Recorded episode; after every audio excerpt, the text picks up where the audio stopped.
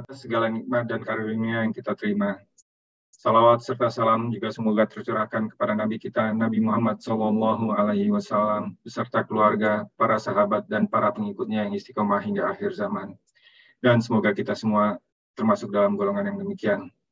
Sahabat sekalian dan saudara dalam Islam di mana pun berada, Ustaz Wahid Rahman yang kami hormati. Assalamualaikum warahmatullahi wabarakatuh. Waalaikumsalam warahmatullahi wabarakatuh. Alhamdulillah kita bertemu lagi dalam kajian akhir pekan. Hari ini hari Sabtu yang bertepatan dengan tanggal 17 Juni 2023. Uh, kajian kali ini masih melanjutkan pembahasan kajian sebelumnya, uh, yaitu amalan penggugur dosa ya Ustaz ya, uh, bagian kedua sekarang. Sebelum kita mulai, saya ingatkan, kembali untuk video dimatikan dan mikrofonnya dimutekan selama kajian.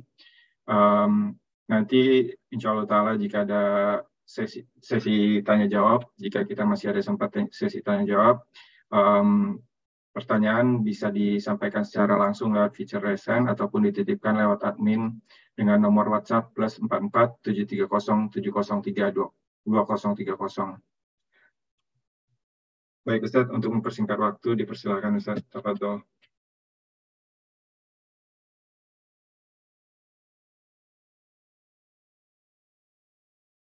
بسم الله الرحمن الرحيم. السلام عليكم ورحمة الله وبركاته. وعليكم السلام ورحمة الله الحمد لله نحمده ونستعينه ونستغفره ونعوذ بالله من سرور أنفسنا وسيئات أعمالنا. من يهده الله فلا مضل له ومن يضلله فلا هادي له أشهد أن لا إله إلا الله وحده لا شريك له وأشهد أن محمدا عبده ورسوله لا نبي ولا رسول بعده وبعد الحمد لله puji syukur pada Allah karena sungguh atas nikmat izin serta karunia-Nya pada malam ini Allah masih memberi kita nikmat iman Islam, kesehatan sehingga kita bisa bersama-sama dalam kajian ini. Mudah-mudahan kebersamaan kita ini kelak Allah membersamakan kita di surganya. Salawat dan salam semoga senantiasa tercurah kepada Rasulullah Sallallahu Alaihi Wasallam pada keluarganya, sahabat-sahabatnya, pengikut-pengikutnya, dan tentu kita semua yang mengikutinya. Semoga Allah memberikan kita kekuatan untuk bisa konsisten mengikuti sunnah-sunnah Rasulnya. Baik, ikhwani wa ikhwati fillah, sahabat kajian yang semoga senantiasa berada dalam rahmatnya Allah Subhanahu wa taala. Kita masih membahas tentang amalan-amalan penggugur dosa. Teman-teman sekalian, sesungguhnya semua amalan yang kita lakukan di muka bumi ini tentu amalan yang baik, ikhlas, kalau ibadah mengikuti Rasul itu bukan hanya mengantarkan kita mendapatkan apresiasi pahala dari Allah, tapi juga sekaligus menjadi penggugur dosa-dosa kita. Amalan apa pun itu. Sebagaimana Rasulullah Sallallahu Alaihi Wasallam menyampaikan dalam satu hadisnya, berjalur dari Abidhar Jundu ibni Junada dan Abi Abdurrahman Mu'ad bin Jabal radhiyallahu anhu qala berkata qala Rasulullah sallallahu alaihi wasallam ittaqillaha haitsuma kunta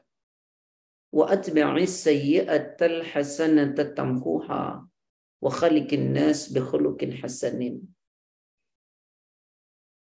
Rasulullah SAW yang mulia beliau mengatakan bertakwalah kalian kepada Allah di mana pun kalian berada.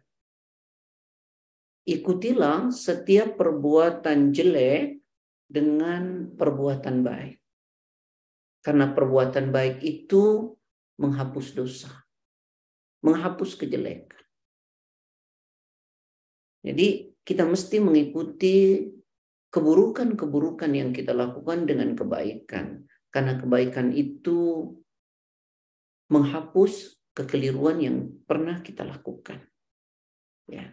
Ini adalah sebagai bentuk cinta dan sayang Allah kepada hambanya. Kemarin Anda sampaikan, jangan pernah khawatir ya akan dosa yang kita lakukan karena kita punya Allah yang maha cinta, maha sayang terhadap hambanya. Dan kecintaan Allah itu ditunjukkan kepada kita bahwa Allah membentangkan maafnya. Membentangkan maafnya kepada kita. Atas apa pun dosa yang kita lakukan. Sebagaimana Anda sampaikan kemarin dalam Al-Quran pada surah Az-Zumar surat yang ke-39 ayat yang ke-53. Qul ya ibadiyalladzina asrafu ala anfusihim la taqnatu min rahmatillah innallaha yaghfiru dhunuba jami'a innahu huwal ghafurur rahim monggo surat Az-Zumar ayat 53 yang artinya katakanlah wahai hamba-hambaku yang melampaui batas terhadap diri mereka sendiri. Janganlah kamu berputus asa dari rahmat Allah. Sesungguhnya Allah mengampuni dosa-dosa semuanya. Sungguh dialah yang maha pengampun, maha penyayang. Ya. Apa kata Allah? Uh, katakanlah wahai hamba-hambaku yang melampaui batas terhadap diri mereka sendiri. Janganlah kalian putus asa dari kasih sayang Allah. Sungguh Allah mengampuni dosa-dosa semuanya. Sungguh dia Allah maha pengampun. Lagi maha penyayang. Persoalannya kita mau datang atau tidak kepada Allah untuk memohon ampun. Kita mau datang atau tidak kepada Allah untuk bertaubat kepadanya. Allah sudah menjanjikan membuka ampunannya sebesar apa pun yang kita lakukan. Persoalannya kita mau atau tidak. Kemudian Rasulullah Shallallahu Alaihi Wasallam juga menyampaikan dalam satu hadis kutsi. Hadis ini berjalur dari sahabat Anas bin Malik. Diruatkan oleh Imam Tirmidzi Ulama mengatakan hadisnya Hasan Sahih. Banyak sekali dalam kitab-kitab dituliskan. Salah satunya Imam Nawawi asal Damaskus. Beliau menuliskan dalam hadis Arba'in nomor ke-42 tambahan. Rasulullah Sallallahu Alaihi Wasallam mengatakan Allah Taala berfirman, Ya ibna Adam, innaka ma da'utani astaghfiru laka ala ma kana minka wa la ubali. Wahai anak Adam, selama engkau masih berharap kepadaku, kata Allah. Dan selama engkau masih meminta kepadaku, maka ku ampuni seluruh dosa-dosamu. Dan aku tidak peduli lagi. Ya ibna Adam, لو بلغت ذنوبك أنان السماء ثم استغفرتني غفرت لك ولا أبالي Wahai anak Adam, andaikan dosamu itu membumbung sampai ke langit, sebanyak awan di langit sana. Lalu engkau memohon ampun, maka ku ampuni dosa-dosamu. Lalu kemudian Allah juga berfirman, Ya ibna Adam, Lau ataitani biqarabil ardi al-khataya, thumma lakitani, la tushriku bi syai'an, la ataituka biqarabiha maghfiratan. Wahai anak Adam, selang, seandainya engkau datang kepadaku membawa dosa seisi bumi, Lalu engkau menemuiku memohon ampun dalam keadaan tidak menyekutukan aku dengan sesuatu, kata Allah. la ataituka maka akan maka aku akan datang menemuimu kata Allah dengan ampunan seisi bumi pula. Hadis riwayat Imam Tirmidzi tinggal kita mau atau tidak? Dan kita tidak boleh tulul amal. Apa tulul amal itu? Panjang angan-angan sebab kita khawatir nanti mati sudah datang sementara kita belum bertaubat dengan mengatakan, ya nggak apa-apa saya berbuat dosa, kan Allah maha pengampun. Karena itu nanti saya mau datang kepada Allah mohon ampun. Tolong jangan biasakan perkataan ini, jangan pernah ada terbesit dalam diri kita. Demi Allah kita tidak pernah tahu kapan kita akan mati. Bagaimana saat kita mati lalu dalam dosa, dalam berbuat dosa. Jangan pernah tulul amal, panjang angan-angan. Ayo segera datang kepada Allah. Waktunya mepet, kita tidak pernah tahu sampai kapan kita ada. Waktu ini sudah sangat mepet. Karena itu Allah nyuruh kita, ayo dong segera dong, segera. Quran surat ketiga ayat ke-133. وسارعوا إلى مغفرة من ربكم وجنة أرضها السماوات والأرض أعدت للمتقين. Monggo. Baik Ustaz, uh, surat Ali Imran ayat 133 yang artinya, Dan bersegeralah kamu mencari ampunan dari Tuhanmu, dan mendapatkan surga yang seluas-luas, langit dan bumi yang disediakan bagi orang-orang yang bertakwa. Bersegeralah kata Allah. Sa, apa? Wasari'u dan bersegeralah kalian ila maghfiratin min rabbikum kepada ampunan dari Rabb kalian.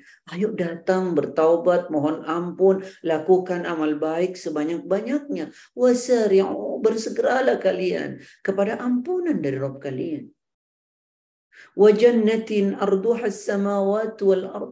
Dan bersegeralah kalian kepada surganya. Allah. Lakukan kebaikan. Yang luasnya seluas langit dan bumi. Yang disediakan untuk orang-orang bertakwa. Jadi jangan pernah mengatakan nanti nanti nanti. Jangan pernah. Bersegera. Sahabat Ibnu Umar menuturkan Idza amsayta fala tantadhir as-sabah. Wa idza asbahta fala tantadhir al-masa. Khudh min sihhatika limaradik wa min hayatika limautik kata Ibnu Umar kalau engkau ada di sore hari jangan tunggu sampai pagi. Jangan pernah katakan nanti besok saja jangan dan kalau engkau wa idza asbahta, jika engkau ada di pagi hari, jangan tunggu sampai sore.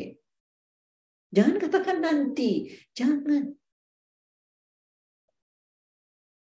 وما تدري نفس ماذا تكسب غدا وما تدري نفس بأي أرض تموت tak seorang pun yang tahu dengan pasti apa yang akan dikerjakannya besok dan tidak seorang pun yang tahu dengan pasti di bumi mana dia akan meninggal jangan pernah tunda datanglah kepada Allah mohon ampun kepada Allah datang menangislah kepada Allah akan khilaf dan salah kita akan keliru dan dosa kita iringi dengan terus berbuat baik karena kebaikan yang kita kita lakukan akan menghapus dosa yang pernah kita lakukan. Surat yang isi yang sama dalam Quran surat 57 Al-Hadid ayat ke-21. Surat ke-57 ayat 21. Allah Ta'ala berfirman, Sabiqu ila maghfiratin min rabbikum wa jannatin arduhas ka ardis samai wal ardi. Uiddat lilladzina amanu billahi wa rasulihi wa rusulihi dzalika fadlullahi yu'tihi man yasha wallahu dzul fadlil monggo. Baik, Uh, surat Al-Hadid ayat 21 yang artinya Berlomba-lombalah kamu untuk mendapatkan ampunan dari Tuhanmu dan surga yang luas seluas langit dan bumi yang disediakan bagi orang-orang yang beriman kepada Allah dan Rasul-Nya. Itulah karunia Allah yang diberikan kepada siapa yang dia kehendaki. Dan Allah dan Allah mempunyai karunia yang besar. Sabiku ila maghfiratin min rabbikum wa jannatin arduha ka'ardis samai wal Berlomba-lombalah kalian kepada ampunan dari Rob kalian. Ayo berlomba-lomba. Bersegera. Cepat. Jangan tunda. Waktunya sudah mepet. Umur kita ini makin hari makin berkurang. Dan dosa kita ini makin hari makin bertambah. Bagaimana kelak kita mempertanggungjawabkannya di hadapan Allah? Datang cepat mohon ampun kepada Allah. Ayo berlomba-lomba mohon ampun. Ayo kemudian kita bermusabaqah fastabikul khairat untuk melakukan kebaikan. Karena kebaikan yang kita lakukan sungguh akan menjadi penghapus dosa kita. Baik, teman-teman sekalian, kemarin kita sudah sampaikan amalan penggugur dosa yang pertama adalah istighfar. Kemudian masuk Islam. Kemudian yang ketiga bertakwa. Yang keempat, Anda ingin sampaikan ya, ini yang keempat sekarang ya. Yang pertama kemarin apa, Pak? Banyak istighfar. Yang kedua uh, masuk Islam masuk Islam. Yang ketiga bertakwa kepada Allah. Yang keempat, teman-teman sekalian, sahabat-sahabat yang saya cintai karena Allah. Yang keempat adalah setiap musibah yang menerpa diri kita. Setiap musibah yang menerpa diri kita. Afwan ya akhi. Nawaf la tarfa sautak. Mazaltu fit ta'lim. La tarfa sauta. Skut. Maaf Pak, anak saya agak berisik. Uh, Ikhwani wa ikhwati fillah yang dirahmati oleh Allah Subhanahu wa taala. Uh, yang bagian keempat adalah musibah yang menimpa seorang muslim. Jadi ternyata teman-teman sekalian, Allah tidak menciptakan sesuatu apa pun kepada kita kecuali ada maksud yang indah. Ya. Nggak ada yang sia-sia yang Allah ciptakan. Ada maksud yang indah. Sampai cobaan yang menerpa diri kita. Betulkah cobaan itu yang menerpa diri kita menjadi sebagai penggugur dosa? Iya. Selama kita benar cara menghadapinya. Selama kita benar cara menghadapinya. Mana dalilnya? Yang pertama ingin sampaikan, coba lihat dalam Al-Quran pada surah uh, Al-Baqarah ayat 157.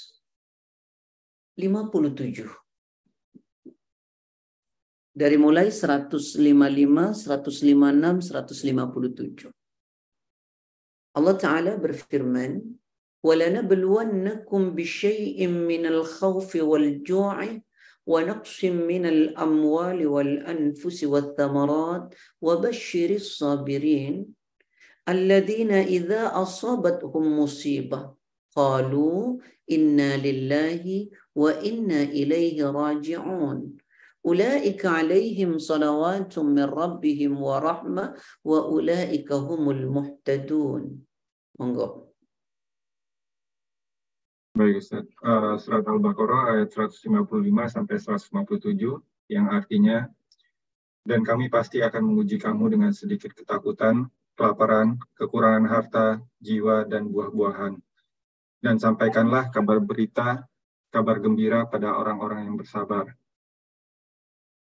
Kemudian ayat 156-nya, yaitu orang-orang yang apabila, apabila ditimpa musibah, mereka berkata, Inna lillahi wa inna ilaihi rojiun. Sungguhnya kami milik Allah dan kepadanya lah kami kembali.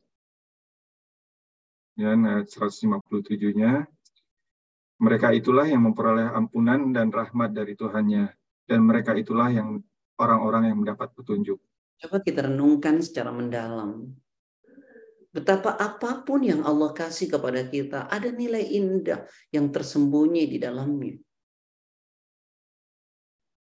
Dan pasti kami akan uji manusia dengan ketakutan, kelaparan, kekurangan harta, jiwa, dan seterusnya.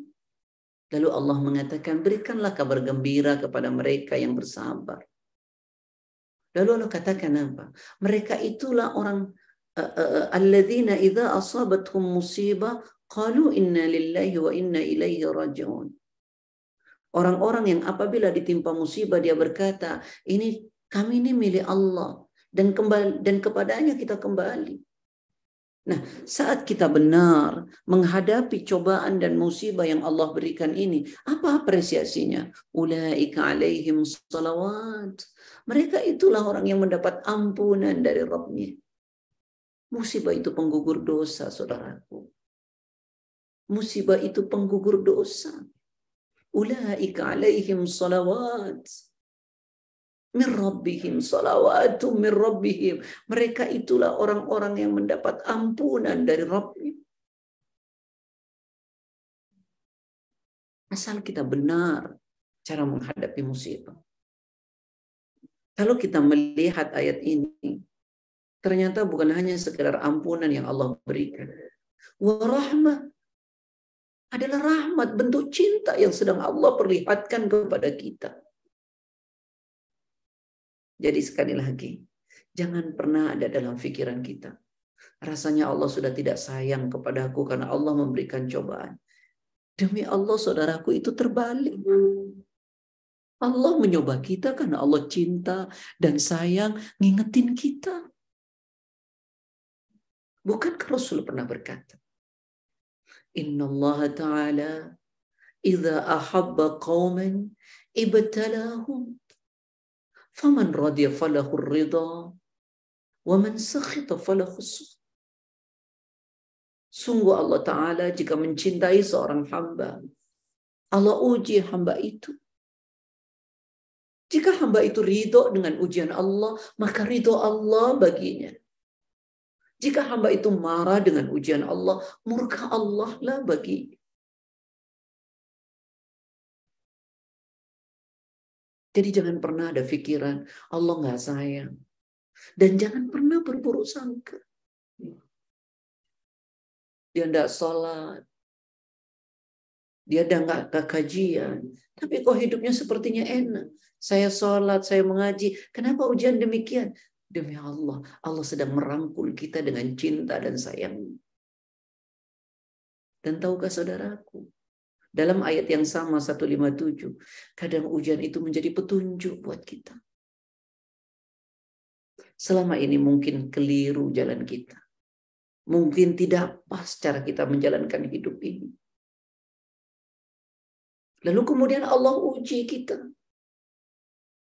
Dengan ujian itu kemudian kita jadi lurus. Kita benar. Ada kenikmatan yang melebihi itu? Demi Allah tidak ada. Tidak ada. Betapa banyaknya kita dengan cobaan dan ujian. Kita mendekat kepada Allah. Dan berapa banyak pula orang yang hidupnya dengan kesenangan, lari dan jauh dari Allah. Bukankah itu yang sering terjadi? Kita merasa dekat dengan Allah saat cobaan itu datang. Kita merasa jauh dari Allah ketika hidup penuh dengan kenikmatan. Coba renungkan Al-Quran. Surat 41. Surat Fusilat. Ayat yang ke-51. Wa idza an'amna 'alal insani a'rada wa na'a bi janibi wa idza massahu syarru fadu du'ain arim Baik, Ustaz. Uh, surat Fusilat ayat 51.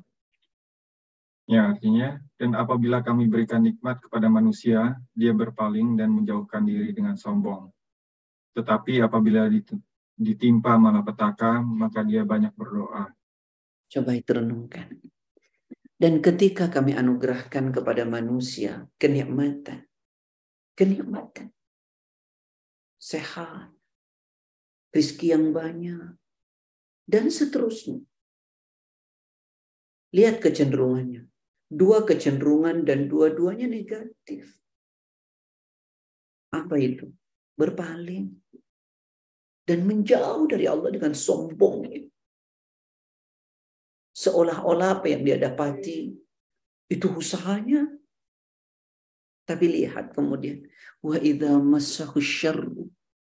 dan ketika kami timpakan kepada mereka sesuatu yang gak nyaman, cobaan, ujian, fatu du'ain arid. Dia mendekat kepada Allah. Berdoa panjang-panjang.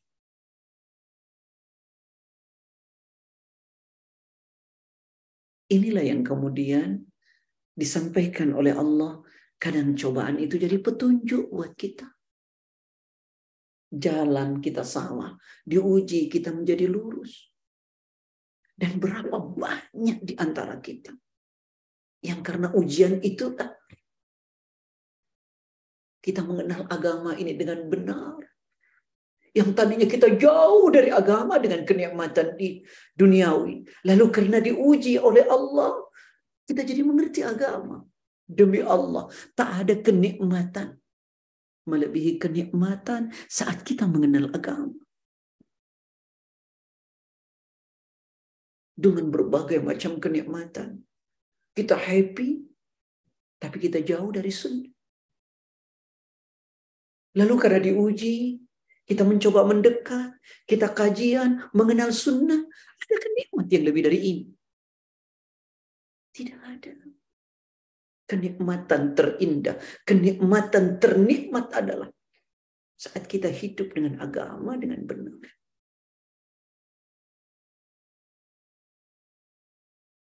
Petunjuk. Petunjuk dari Allah. Coba satu lagi Quran. Surat At-Taghabun 64 ayat 11. Ma asaba min musibatin illa biiznillah. Wa may yu'min billahi yahdi qalb. Monggo.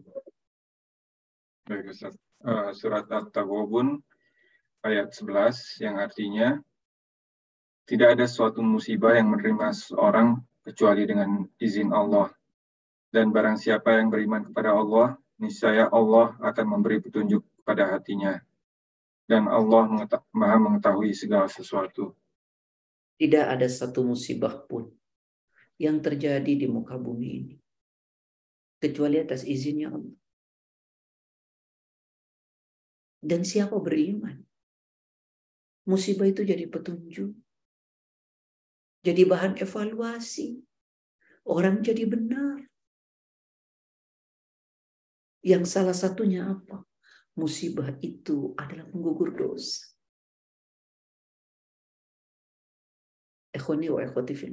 Allah sayang sama kita. Allah cinta sama kita. Tapi sementara kita banyak dosa. Taubatnya tidak serius. Amal solehnya tidak banyak. Bagaimana Allah menunjukkan kecintaannya? Allah coba dengan ujian. Sebagai penggugur dosa-dosa kita. Satu hadis. Hadis ini berjalur dari Aisyah. Diriwayatkan oleh Imam Bukhari. Rasulullah sallallahu alaihi wasallam yang mulia bersabda, "Ma min musibatin tusibul muslimi illa kaffarallahu biha anhu hatta asyawkati yushakuha. Apa kata Rasulullah? Ini berjalur dari Aisyah, diriwayatkan oleh Imam Bukhari. Mamin musibatin. Tidak ada satu musibah pun. Tusibul muslim. Yang menimpa seorang muslim. Tidak ada satu musibah pun yang menimpa seorang muslim. Illa kafarallahu biha anku kecuali Allah menghapus dengan musibah itu dosa-dosanya. Dari hatta asyaukati yushakuha. Sampai kata Rasulullah duri yang menusuk dirinya itu adalah penggugur dosa. Selama kita benar cara menghadapi. Selama kita benar cara menghadapi. Tidak ada satu musibah yang menimpa seorang muslim. Illa kafarallahu biha anhu. Kecuali Allah menghapuskan dosa-dosa dari dirinya. Karena musibah itu. Hatta asyaukati yushakuha. Sampai duri yang mengenai kita itu cobaan itu pun menjadi penggugur dosa. Selama kita benar. Teman-temanku sekalian, sahabat-sahabat, kajian paduka. Dalam satu hadis yang lain, redaksinya mirip. Berjalur dari Abu Hurairah. Berjalur dari Abu Hurairah juga diriwayatkan oleh Imam Al-Bukhari. Rasulullah mengatakan begini. Ma yusibul muslim min nasabin wala wasabin wala hammin wala hazanin wala adha wala ghammin hatta syaukati yushakuha illa kafarallahu biha min khataya.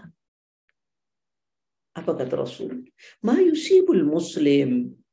Tidak ada suatu pun yang menimpa seorang muslim. Ma yusibul muslim. Tidak ada suatu pun yang menimpa seorang muslim. Min nasobin. Asal letih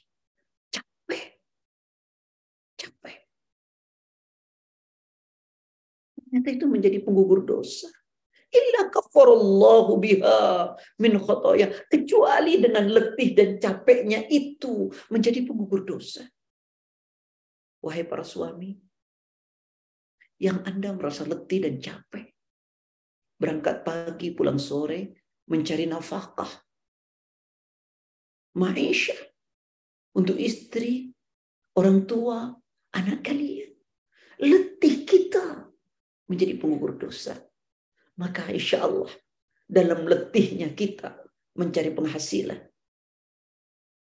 Tidak akan ada keluhan dari diri kita. Kecuali kebahagiaan karena Allah sedang menggugurkan dosa-dosa kita. Wahai para istri, Anda yang di rumah, lelah mendidik anak-anak, bereskan rumah,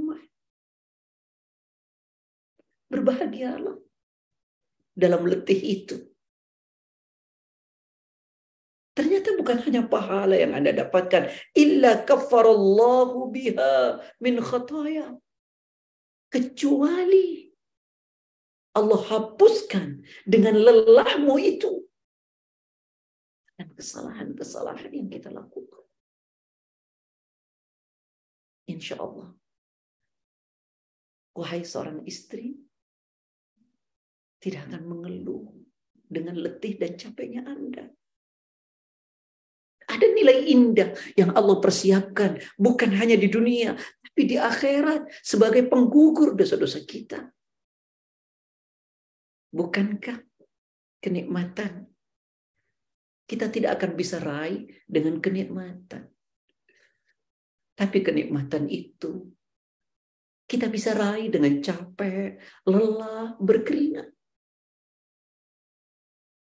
Capek, lelah, berkeringat.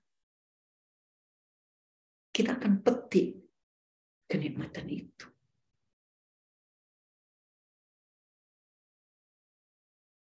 Jadi kata Rasul, tidaklah seorang muslim ditimpa rasa letih capek. Semua itu menjadi penggugur dosa. cobaan capek. Insya Allah ya, di jalan kita macet, letih kita capek. Yang keluar apa? Ya Allah, aku tahu ini ya Allah, jadi penggugur dosa-dosa. Bahagia ya akhi. Nikmat. Kita bisa merubah capek itu menjadi harapan indah. Dengan janji Allah yang disampaikan oleh Rasulullah berjalur dari Abu Hurairah. Bukan cuma itu. Wala wasobin. Apa itu? Bukan hanya letih. Wala wasobin. Tidak pula sakit yang menimpa diri kita. Itu pun menjadi penggugur dosa kita. Inilah bahagianya seorang muslim.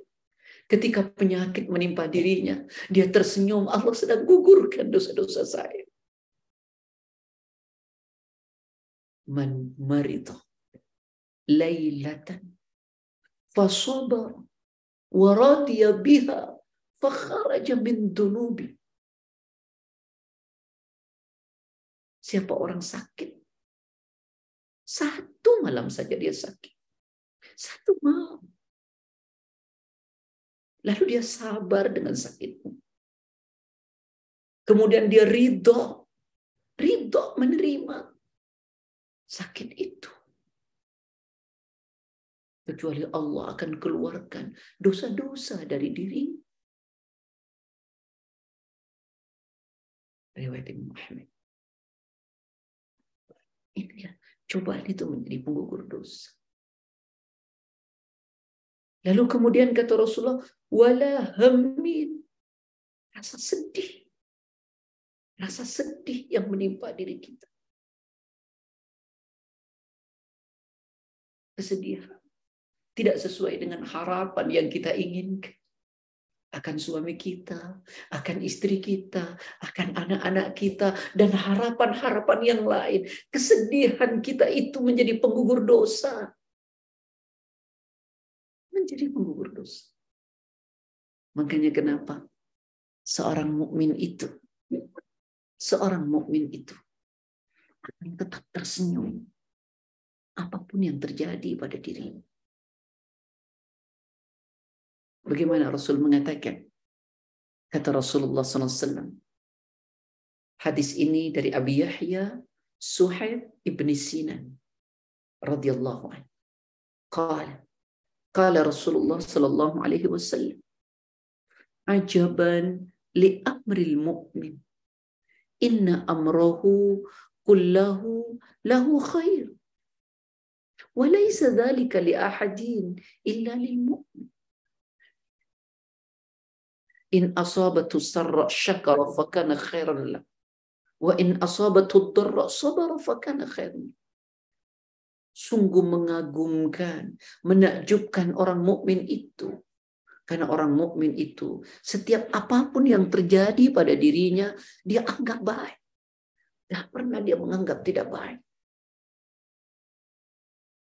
dan yang demikian tidak mungkin dimiliki kecuali oleh orang yang beriman dengan benar.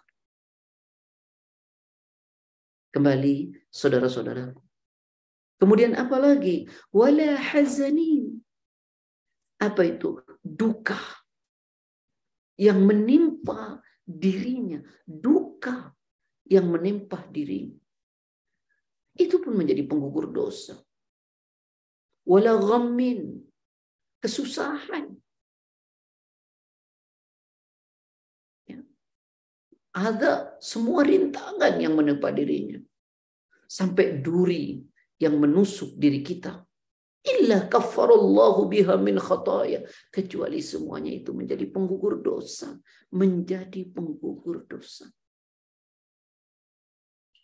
Jadi sahabat-sahabat amalan penggugur dosa yang keempat adalah setiap cobaan yang menimpa diri kita. Setiap percobaan yang menimpa diri kita selama kita benar dalam menghadapinya. Selama kita benar dalam menghadapinya.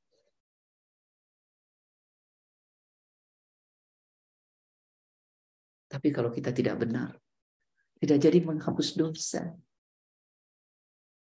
Saya sering sampaikan, Biasanya saudara-saudaraku yang saya cintai karena Allah. Orang itu saat diuji oleh Allah. Saat dicoba oleh Allah. Setidaknya ada empat respon. Yang pertama dia marah. Marah. Baik marah dengan hatinya. Marah dengan lisannya. Sampai kepada sikapnya dia marah. Misalnya, Afwan, kita diberi cobaan oleh Allah. Selalu menggerutu. Marah-marah dalam dirinya. Idza massahu syarru jazua. Kalau dia ditimpa sesuatu yang gak enak, ngeluh terus. Ngeluh terus. Yang kedua dia marah dengan lisannya. Ya Allah, aku udah salat, aku udah ngaji. Kenapa hidupku kayak begini? Itu temanku tak ngaji, tak salat. Tapi dia hidupnya seperti enak saja. Marah dia komplain kepada Allah. Berburuk sangka dia kepada Allah. Tidak tahukah kita bahwa baginya adalah istidrat. Saat dia tidak beribadah, tapi seperti happy saja. Tidak pernah ditegur, enak saja. Istidrat baginya. Kita yang salat, kita yang puasa, kita mendekat kepada Allah, tapi kita diuji. Tahukah kita itu adalah penggugur dosa buat kita. Itu bentuk cinta yang Allah sedang perlihatkan kepada kita. Dekapan Allah untuk kita. Dan itu adalah petunjuk dalam hidup kita.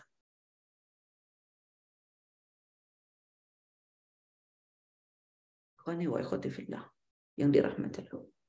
Bahkan ada yang marah dengan cobaan itu. Sampai sikapnya. Saya teringat.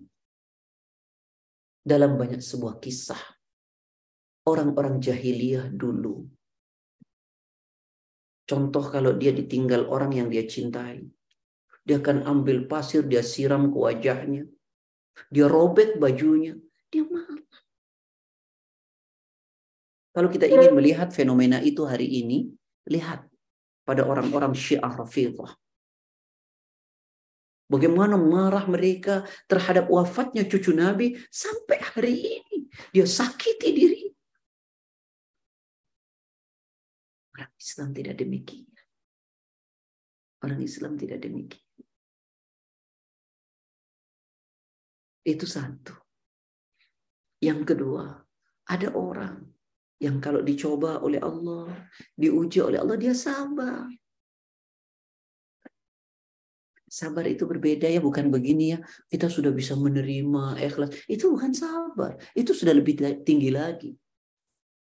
Sabar itu kita tidak mau dengan kejadian itu.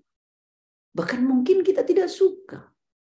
Tapi kita tidak bereaksi yang menimbulkan reaksinya murka Allah. Kita tidak bereaksi atas segala sesuatu itu dengan reaksi yang menimbulkan murkanya Allah. Seperti marah dengan lisan, marah dengan sikap. Tidak. Itulah sabar.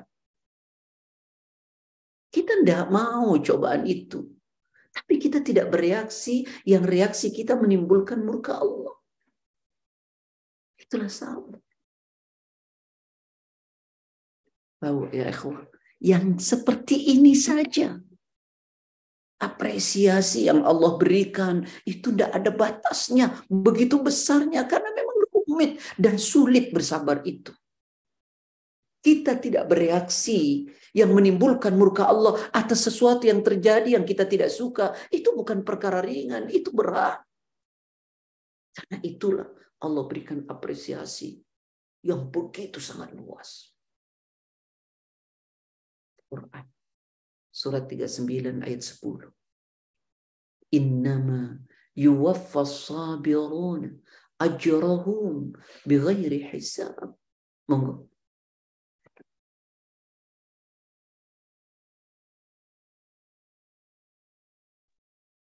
Baik Ustaz, surat Az-Zumar ayat 10. Um, ini bagian yang terakhir ya Ustaz ya? Iya. Uh, kalau arti lengkapnya, katakanlah Muhammad, wahai hamba-hambaku yang beriman, bertakwalah kepada Tuhanmu. Bagi orang-orang yang berbuat baik di dunia, di dunia ini akan memperoleh kebahagiaan dan bumi Allah itu luas. Dan ini bagian yang tadi Ustaz bilang, Hanya orang-orang yang bersabarlah yang disempurnakan pahalanya tanpa batas. Hanya orang-orang yang bersabar. Yang pahalanya disempurnakan tanpa batas. Tidak bereaksi yang menimbulkan murka Allah. Atas sesuatu yang kita nggak suka. Bukan perkara ringan, saudara. Bukan perkara ringan. Saya ulangi, tidak bereaksi yang menimbulkan murka Allah atas sesuatu yang terjadi yang kita tidak inginkan, itu bukan perkara ringan. Yang ketiga, kita ridho. Diuji oleh Allah. Yang ketiga ridho. Bisa menerima. Itu sudah bukan lagi sabar. Sudah di atasnya. Ridho. Fasabara waradi abiha. Dia ridho dengan sesuatu yang terjadi. Ya. Seperti Nabi siapa? Yang sakitnya tak pernah selesai. Nabi Ayub alaihissalam. Bahkan di atasnya lagi apa? Bersyukur terhadap ujian itu. Biasanya orang itu bersyukur terhadap ujian di saat dia mengetahui akan indahnya di balik ujian itu. Bagaimana kita tidak mau bersyukur ya Pak ya? Dengan ujian ternyata kita jadi benar. Dengan ujian kita mengenal agama. Dengan ujian kita mengenal sunnah. Mungkin tidak diuji, kita masih larut dengan kemaksiatan kita. Lalu kita mati, betapa ruginya. Tapi kita bersyukur, ujian menyadarkan kita agar kemaksiatan itu, ujian menyadarkan kita akan sesat dan salahnya jalan kita. Ujian menyadarkan saya yang tadinya lari dari Allah, lari mendekat kepada Allah. Itulah ujian. Itulah ujian. Teman-teman sekalian, saya ingin bacakan satu hadis. Betapa ujian ini menjadi penggugur dosa.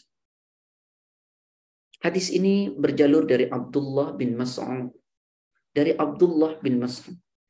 Diriwayatkan oleh Imam Bukhari. Dakhaltu kata beliau kata Abdullah bin Mas'ud dakhaltu ala Rasulillah sallallahu alaihi wasallam وهو يوعك. فقلت يا رسول الله إنك توعك وأكا شديدا. قال أجل. إني أوعك كما يوعك رجلان منكم فقلت ذلك لأن لك أجرين. قال أجل. ذلك كذلك ما من مسلم يصيبه أذى سوكة فما فوقها يشاكها إلا كفر الله بها سيئته كما تخط الشجرة ورقها Ini kejadian yang dituturkan oleh Abdullah bin Mas'ud ketika beliau datang menjenguk Rasul. Kata beliau, dakhaltu ala Rasulillah. Saya masuk mengunjungi Rasulullah SAW. Wa huwa. Dan beliau dalam keadaan sakit yang sangat parah. Sakit keras Rasulullah. Ibnu Mas'ud menjenguk Rasulullah. Di mana Rasulullah dalam keadaan sakit keras. Fakultu. Lalu saya berkata kepada Rasulullah, Ya Rasulullah, wahai Rasulullah, innaka tu'aku wa'kan syadidan. Rasulullah, engkau menderita sakit keras. Rasul, orang yang sangat dicintai oleh Allah. Orang yang paling bertakwa, yang paling takut kepada Allah, paling dekat kepada Allah. Ibnu Mas'ud berkata, "Innaka tu'ak wa'kan syadida." Ya Rasulullah, engkau menderita sakit yang sangat keras. Qala.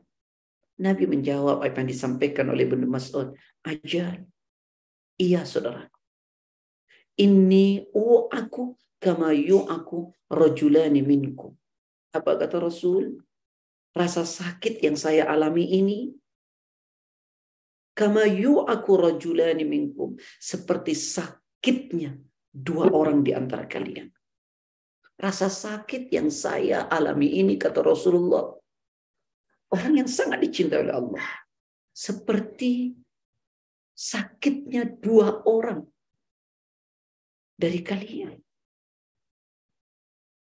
Fakultu. Lalu kata Ibnu Mas'ud, aku berkata kepada Rasulullah, apa kata beliau? Dzalika li'anna laka ajrain. Apakah itu karena engkau mendapatkan dua pahala ya Rasulullah? Lalu Rasulullah menjawab, Qala ajal. Iya. Iya, aku mendapatkan dua pahala. Dua kali lipat. Dzalika kadzalik. Kemudian Rasul mengatakan, "Ma min muslim yusibuhu adha." Ma min muslim yusibuhu adha. Tidak ada seorang muslim pun yang tertimpa. Ada syaukati fama fauqaha yushakuha. Tertimpa satu cobaan seperti duri ataupun yang lebih dari itu. Kecuali dengannya. Illa kafarallahu kecuali dengannya Allah menghapus sayyiatihi kesalahan-kesalahannya kama takhuttu syajaratun waraqaha kama takhuttu syajaratu waraqaha sebagaimana pohon menggugurkan daun. Jadi setiap cobaan yang menimpa itu adalah penggugur dosa seperti rontoknya pohon-pohon dari daun eh, daun dari pohon-pohon. Masya Allah ya. Ya, asal tadi lagi saya sampaikan benar kita cara menghadapinya. Benar. Ada hadis lain dari Jabir bin Abdullah. Dari Jabir bin Abdullah. Rasulullah SAW pernah menemui Ummu Sa'id. Lalu Rasul berkata, ما لك يا أم السائب؟ ما لك يا أم يا أم السائب؟ تزفزفين قالت الحمى. لا بارك الله فيها. قال لا تسبي الحمى فإنها تذهب خطايا بني آدم. كما يذهب الكير خبث الحديد Hadis ini diriwayatkan oleh Imam Muslim. Jadi Rasulullah SAW menemui Ummu Sa'ib. Dituturkan oleh Jabir bin Abdullah. Nah ketika Rasulullah menemui Ummu Sa'ib, Rasulullah berkata, Ya Ummu Sa'ib, wahai Ummu Sa'ib, Tuzab sifin. Kenapa engkau apa tuzab sifin itu ya? Merintih. Kenapa engkau merintih? Wahai Ummu Sa'ib. Qalat Ummu Sa'ib menjawab, Al-humma. Aku sedang demam ya Rasulullah. Aku sedang demam ya Rasulullah. Lalu Rasulullah mengatakan apa? La Barakallahu fiha. Apa kata Rasulullah?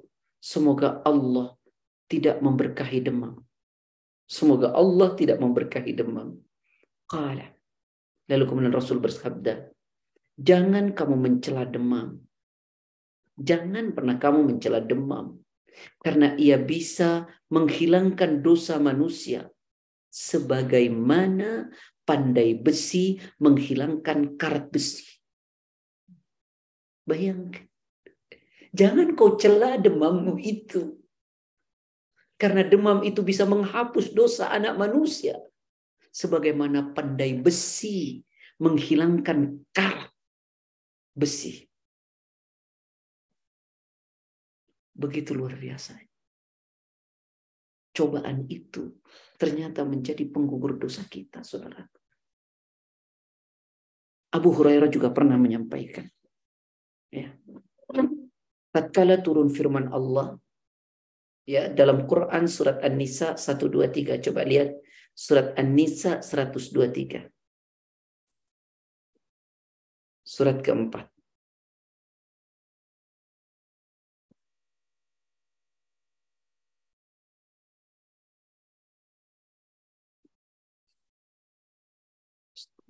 Um, surat An-Nisa ayat 123 artinya pahala dari Allah itu bukanlah angan-angan dan bukan pula angan-angan ahli kitab. Barang siapa mengerjakan kejahatan, niscaya akan dibalas sesuai kejahatan itu. Dan dia tidak akan mendapat pelindung dan penolong selain Allah. Ya. Laisa bi amaniyikum wala amaniyi ahli kitab may ya'mal su'an yujza wala yajid lahu min dunillahi waliya wala nasira. Pahala dari Allah itu bukanlah menurut angan-anganmu yang kosong. Dan tidak pula menurut angan-angan ahli kitab. Barang siapa yang mengerjakan kejahatan, niscaya akan diberi pembalasan dengan kejahatan itu dan ia tidak mendapat pelindung dan tidak pula penolong baginya. Nah, ketika Abu Hurairah menuturkan tentang ayat ini, kata beliau, ayat ini berat dirasakan kaum muslimin.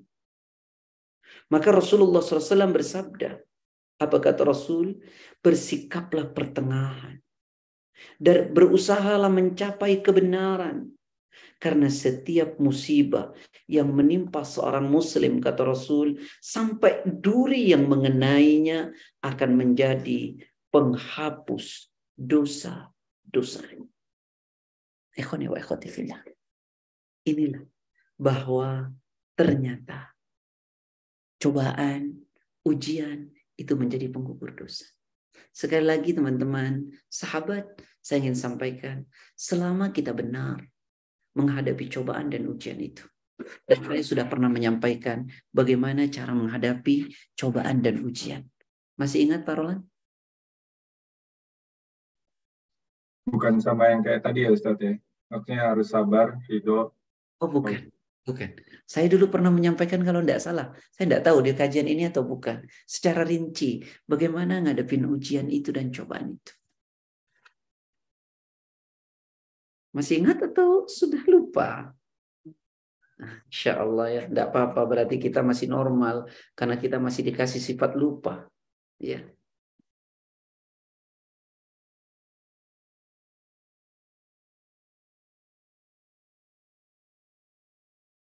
Masih ingat? Aku Ustaz yang teringat yang sabar dan ridho itu Ustaz. Masya Allah. Baik, coba Ana. Eh, boleh Ana sampaikan sedikit, walaupun waktunya sudah tinggal 6 menit. Ana sampaikan sedikit boleh ya, ya? Agar eh, ya. cobaan ini tidak sia-sia. Sudahlah kita dicoba, tapi kemudian tidak menjadi penggugur dosa. Kita kan rugi kita berkali-kali. Maka yang pertama, saudaraku yang saya cintai karena Allah, sahabat-sahabat di mana pun berada agar cobaan yang kita dapatkan ini sampai pada tujuan yang Allah sampaikan tadi bahwa dosa cobaan itu menjadi penggugur dosa. Cobaan itu sebagai bentuk cinta Allah. Cobaan itu menjadi petunjuk selama kita benar menghadapinya. Bagaimana? Yang pertama ayo kita pahami dulu bahwa cobaan ini adalah takdir yang Allah tentukan. Cobaan ini adalah takdir yang Allah tentukan. Sehingga ketika kita memahami ini insya Allah kita tidak akan marah. Kita akan disuruh sabar dalam tiga hal ya. Satu, sabar dengan perintah-perintahnya Allah. Yang kedua, sabar dengan larangan-larangan Allah. Yang ketiga, kita sabar dengan takdir-takdirnya Allah. Karena tidak semua takdir Allah itu sesuai dengan harapan dan keinginan kita. Tapi yang harus kita tahu bahwa takdir yang Allah berikan itu pasti yang terbaik buat kita. Siapa bisa melawan takdirnya Allah? Kata Rasul gimana? Kata Allah, maqadir al-khalaiki qabla an yakhluqa as-samawati wal ard bi khamsina alf sana. Allah telah menakdirkan seluruh makhluk. Allah telah menetapkan takdir seluruh makhluk. Qabla ayyakhluqas samawati wal ard. Sebelum Allah menciptakan langit dan bumi. Bi khamsina alfasana. 50 ribu tahun. Sebelum langit dan bumi diciptakan.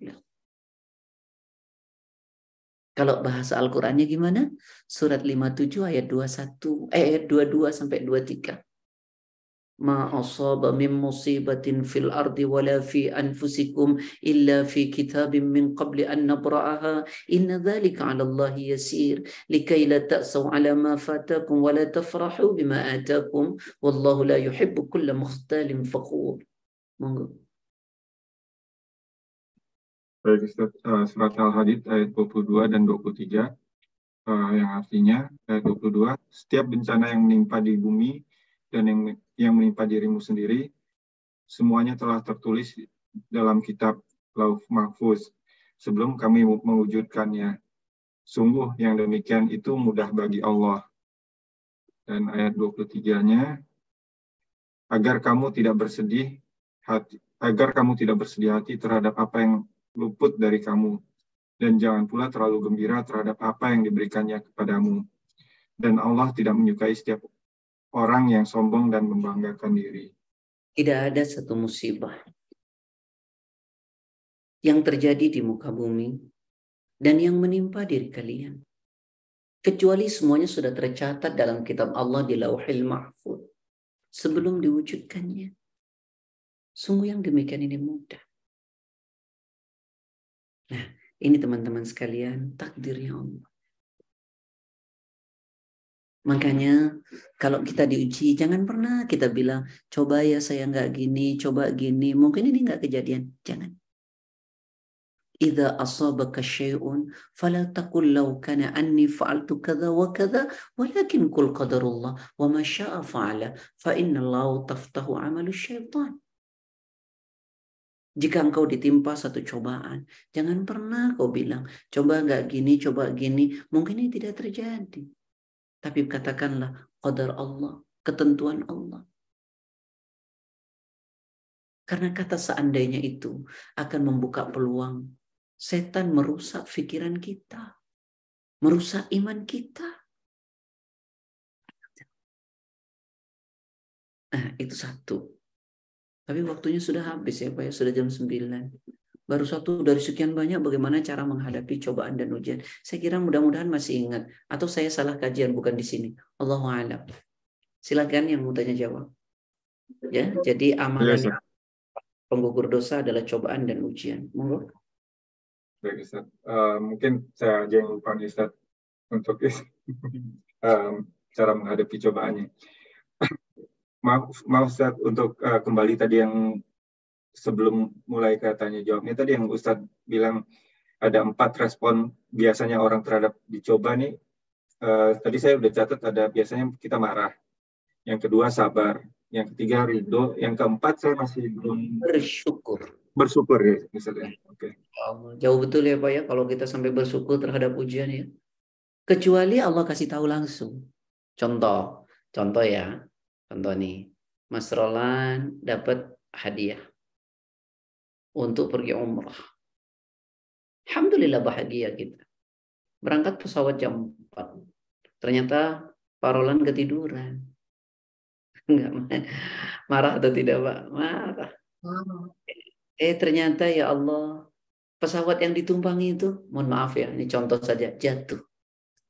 Di situlah Pak Roland bersyukur, ya Allah, Alhamdulillah kau beri aku ketiduran. Kalau tidak, nah kadang-kadang ini muncul saat Allah sudah perlihatkan semua nilai-nilai dari sebuah cobaan.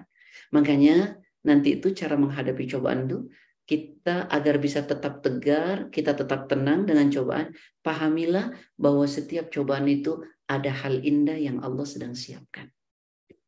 Nah, nanti kita akan sabar, ikhlas dengan cobaan itu. Karena kita tahu ada hal indah yang sedang Allah siapkan buat kita.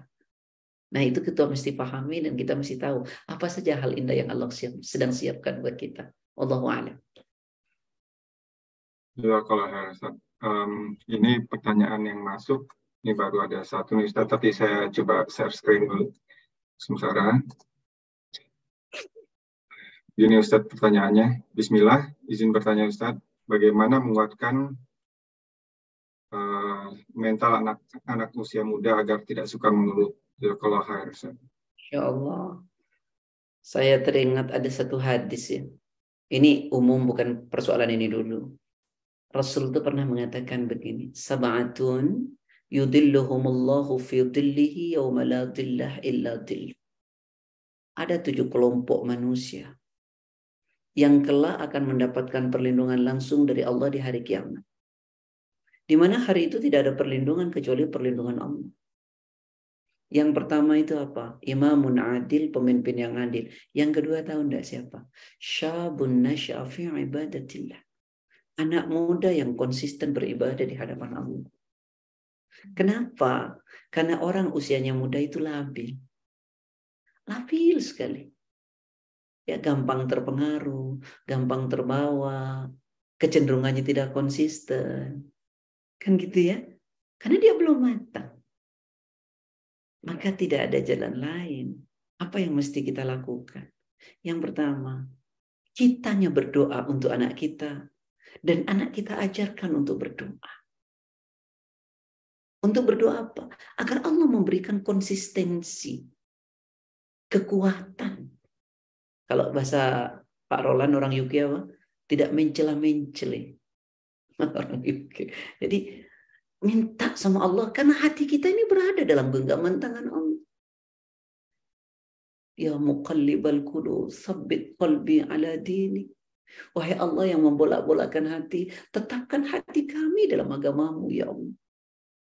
Rabbana la tuzigh qulubana ba'da idh hadaitana Ya Allah Rabb kami, jangan kau palingkan hati kami setelah kau berikan kami petunjuk ya Allah. Suruh minta kepada Allah. Berdoa. Dan kita orang tuanya jangan pernah berhenti berdoa. Tiga doa yang tidak pernah ditolak oleh Allah. Doa orang tua kepada anak. Ya ujian. Kita masih sabar memang. Ya, kita masih sabar. Jangan seperti yang terjadi kepada seorang rahib yang diceritakan Nabi namanya Sahibu Jurej. Namanya Jurej. Karena orang tua berkata yang tak terkontrol. Baik kembali saudara-saudaraku yang saya cintai karena Allah. Yang pertama suruh berdoa. Suruh berdoa. Yang kedua, jangan pernah berhenti ikut kajian. Itu kan seperti menguatkan hati kita. Mengecas kalau enggak lobet. Ayo isi terus dengan kajian. Wa idza tuliyat alaihim ayatuhu zadatuhum iman. Jika dibacakan ayat-ayat Allah kepada mereka, maka iman mereka akan bertambah. Membuat konsisten. jauh dari kajian. Ya sudah selesai. Maka suruhlah anak-anak kita. Ayo kajian. Saya itu jujur Pak Roland. Semangat kalau melihat anak-anak itu mau kajian. Jangan yang kajian yang sudah ya nggak apa-apa yang tua ya kajian ya. Kalau tua kajian itu sudah wajar ya karena kata teman-teman itu kalau canda sudah bau tanah begitu ya. Yang muda-muda ini harus dikompak. Iya. Ayo kajian.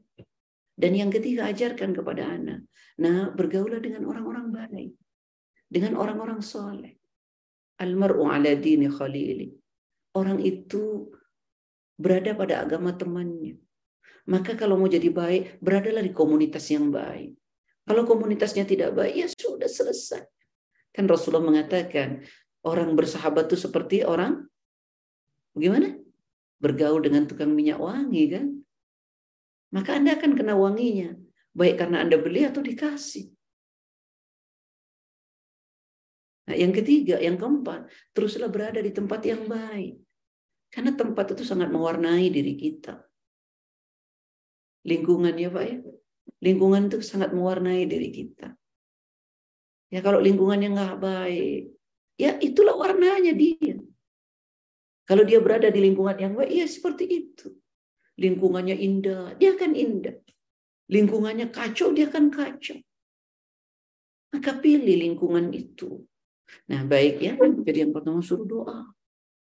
Dan kita juga doakan. Kemudian yang kedua apa? Terus kajian, terus dengarkan kajian. Lalu kemudian apa lagi? Bersahabatlah dengan orang-orang baik. Dan beradalah terus di tempat yang baik. Insya Allah. Semoga Allah menjaga hati anak-anak kita. Rabbana hablana min azwajina wa dhurriyyatina qurrata a'yun waj'alna lil muttaqina imama. Sampai anak kita nanti berkata, innal fata may yaqulu ha anadha wa laysa al fata may yaqulu kana abi. Pemuda itu yang berkata, "Nih diri saya, bukan itu bapak saya."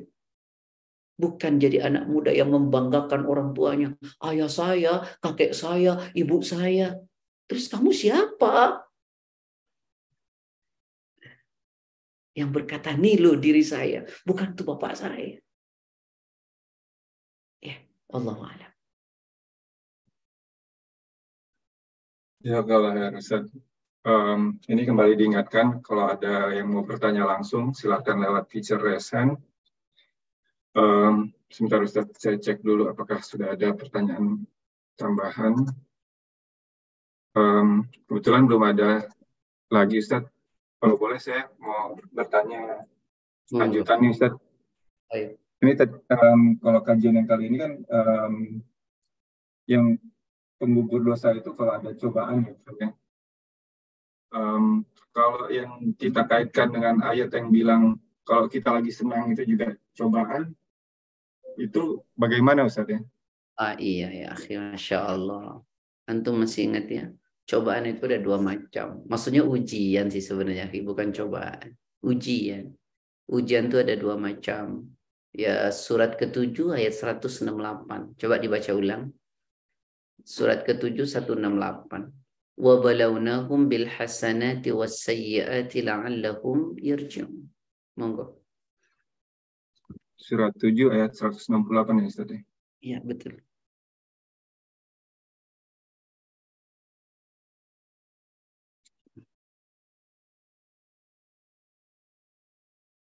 Um, surat Al-A'raf ayat 168 yang artinya dan kami pecahkan mereka di dunia ini menjadi beberapa golongan. Di antaranya ada orang-orang yang saleh dan ada yang orang-orang yang tidak demikian. Dan kami uji mereka dengan nikmat yang baik-baik dan bencana yang buruk agar mereka kembali kepada kebenaran. Jadi memang ujian itu kan ada dua ya, ada yang enak, ada yang tidak enak. Betapa indahnya Allah memberitahu kita. Yang gak enak itu jadi penggugur dosa loh buat mulut. Jadi kenapa mesti meratap? Kenapa mesti nangis? Kenapa mesti nyesel? Itu menjadi penggugur dosamu loh. Itu bentuk cintanya Allah loh. Itu petunjuk loh dari Allah. Loh, terus Ustaz, kalau yang dapat nikmat, yang enak, apakah itu tidak juga baik Pak Ustaz? Iya. Jadi sebenarnya semua adalah kebaikan sebenarnya. Coba lihat, orang iri, orang ansar datang kepada Rasulullah. Ya Rasulullah, orang yang banyak harta itu pergi dengan pahala yang besar. Ya Rasulullah, mereka sholat, saya sholat. Mereka puasa, saya puasa. Mereka baca Al-Quran, kami bisa. Mereka sodako, kami tidak bisa ya Rasulullah. Artinya semua itu bagi orang beriman peluang mendapatkan kenikmatan. Cobaan menimpa orang beriman yang baik, peluang untuk mendapatkan ampunan, petunjuk dan cintanya Allah. Harta, kesenangan, jabatan yang dimiliki orang beriman itu akan membawa juga kepada ridhonya Allah. Tapi kedua hal ini jika diberikan kepada orang yang tidak ada iman, semuanya membuat lari dari Allah. Sebagaimana Allah katakan pada Quran surat 17:83. Coba dibuka. وإذا أنعمنا على الإنسان أعرض ونأى بجانبه وإذا مسه الشر كان يئوسا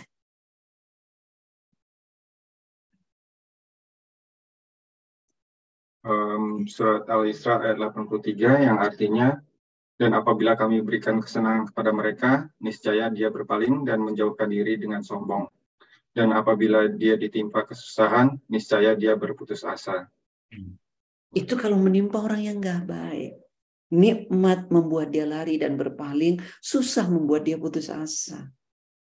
Tapi bagi orang beriman, seperti yang tadi saya sampaikan, nanti kalau di rumah iseng, eh bukan iseng ya, Buka yang punya kitab Riyadhus Salihin nomor 27. Mohon maaf saya bicara iseng ya. Buka kitab Riyadhus Salihin nomor 27 dari Abi Yahya Suhaib Ibn Sinan. Yang tadi saya katakan ajaban li amril mu'min inna amrahu kullahu lahu khair wa laysa dhalika li ahadin illa lil mu'min in asabatu sarra syakara fakana khairan lah wa in asabatu dharra sabara fakana khairan lah. Sungguh mengagumkan orang beriman itu karena orang beriman itu selalu menganggap baik urusan apa pun yang menimpa dirinya. Dan yang demikian tidak mungkin dimiliki kecuali oleh orang beriman dengan benar. Kalau dia diberikan kenikmatan oleh Allah, dia bersyukur kepada Allah, dia mendekat kepada Allah dan itu baik baginya. Kalau dia diberikan cobaan, dia sabar, dia tetap mendekat kepada Allah dan itu baik baginya. Nggak ada yang tidak baik bagi orang beriman. Tetapi bagi orang yang tidak beriman, tidak ada yang baik. Nikmat membawa dia lari, susah membawa dia putus asa. Orang mukmin nikmat membuat dia bersyukur, Cobaan membuat dia sabar. Itulah bedanya. Bukan persoalan yang menimpa, tapi soalan ada di dalam hatinya. Makanya saya sering bicara, ada satu hal yang sama menimpa dua orang berbeda dengan kapasitas iman dan ilmu berbeda akan menimbulkan reaksi berbeda.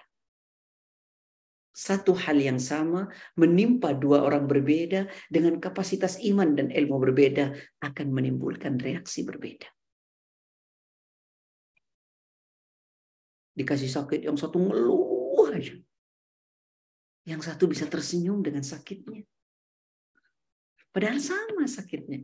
Tapi kapasitas iman dan ilmunya yang berbeda. Makanya sering anak katakan, masih ingat Mbak? Makin tinggi angin, makin tinggi pohon, makin tinggi anginnya. Tapi kan persoalan bukan pada anginnya, pada kekuatan akarnya. Sekuat apa pun anginnya, kalau akarnya kuat tak merobohkan pohon itu. Sekecil apa pun anginnya, kalau akarnya tak kuat roboh. Persoalannya bukan cobaannya, tapi iman. Iman. Wallahu alam. Mohon maaf kalau agak kelewatan nih. Kalau nanti mau diperdalam, insya Allah bulan depan anak perdalam pada persoalan ini. Kalau kalau tidak kita meneruskan amal pengguguran dosa. Ya kalau um, Mungkin uh, ini karena dari pertanyaan juga masih tidak ada yang disampaikan lewat admin dan sepertinya juga tidak ada yang bertanya langsung. Ah, iya. untuk kajian kali ini bisa ditutup uh, kali ini, Ustaz. Baik, ikhwani wa ikhwati fillah. Banyak sekali amalan penggugur dosa. Bahkan semua amal kebaikan adalah penggugur dosa. Jangan tunda untuk berbuat baik. Jangan tunda datang kepada Allah. Karena kita tidak pernah tahu sampai kapan kita ada di dunia ini. Semoga Allah mematikan kita semua dalam keadaan khusnul khatim. Dan Allah mengumpulkan kita nanti di surganya. Benar dari Allah, salah dari saya kepada Allah saya mohon ampun, kepada jemaah saya mohon maaf. A'udzubillahi minasyaitonir Barakallahu fikum. Assalamualaikum warahmatullahi wabarakatuh. Waalaikumsalam warahmatullahi wabarakatuh. Alhamdulillah, Jazakallah khair Ustaz atas waktu dan ilmunya. Semoga kajian kali ini bermanfaat bagi kita semua dan untuk menyimak kembali kajian kali ini dan kajian-kajian sebelumnya, silakan mengunjungi channel YouTube kami di channel Rumah Dakwah UK ataupun lewat platform RSS atau maupun Google Podcast. Kami dari panitia mo mohon maaf jika ada kekurangan dan kesalahan. Barakallahu fikum, wabillahi taufiq wal hidayah. Wassalamualaikum warahmatullahi wabarakatuh. Waalaikumsalam warahmatullahi wabarakatuh.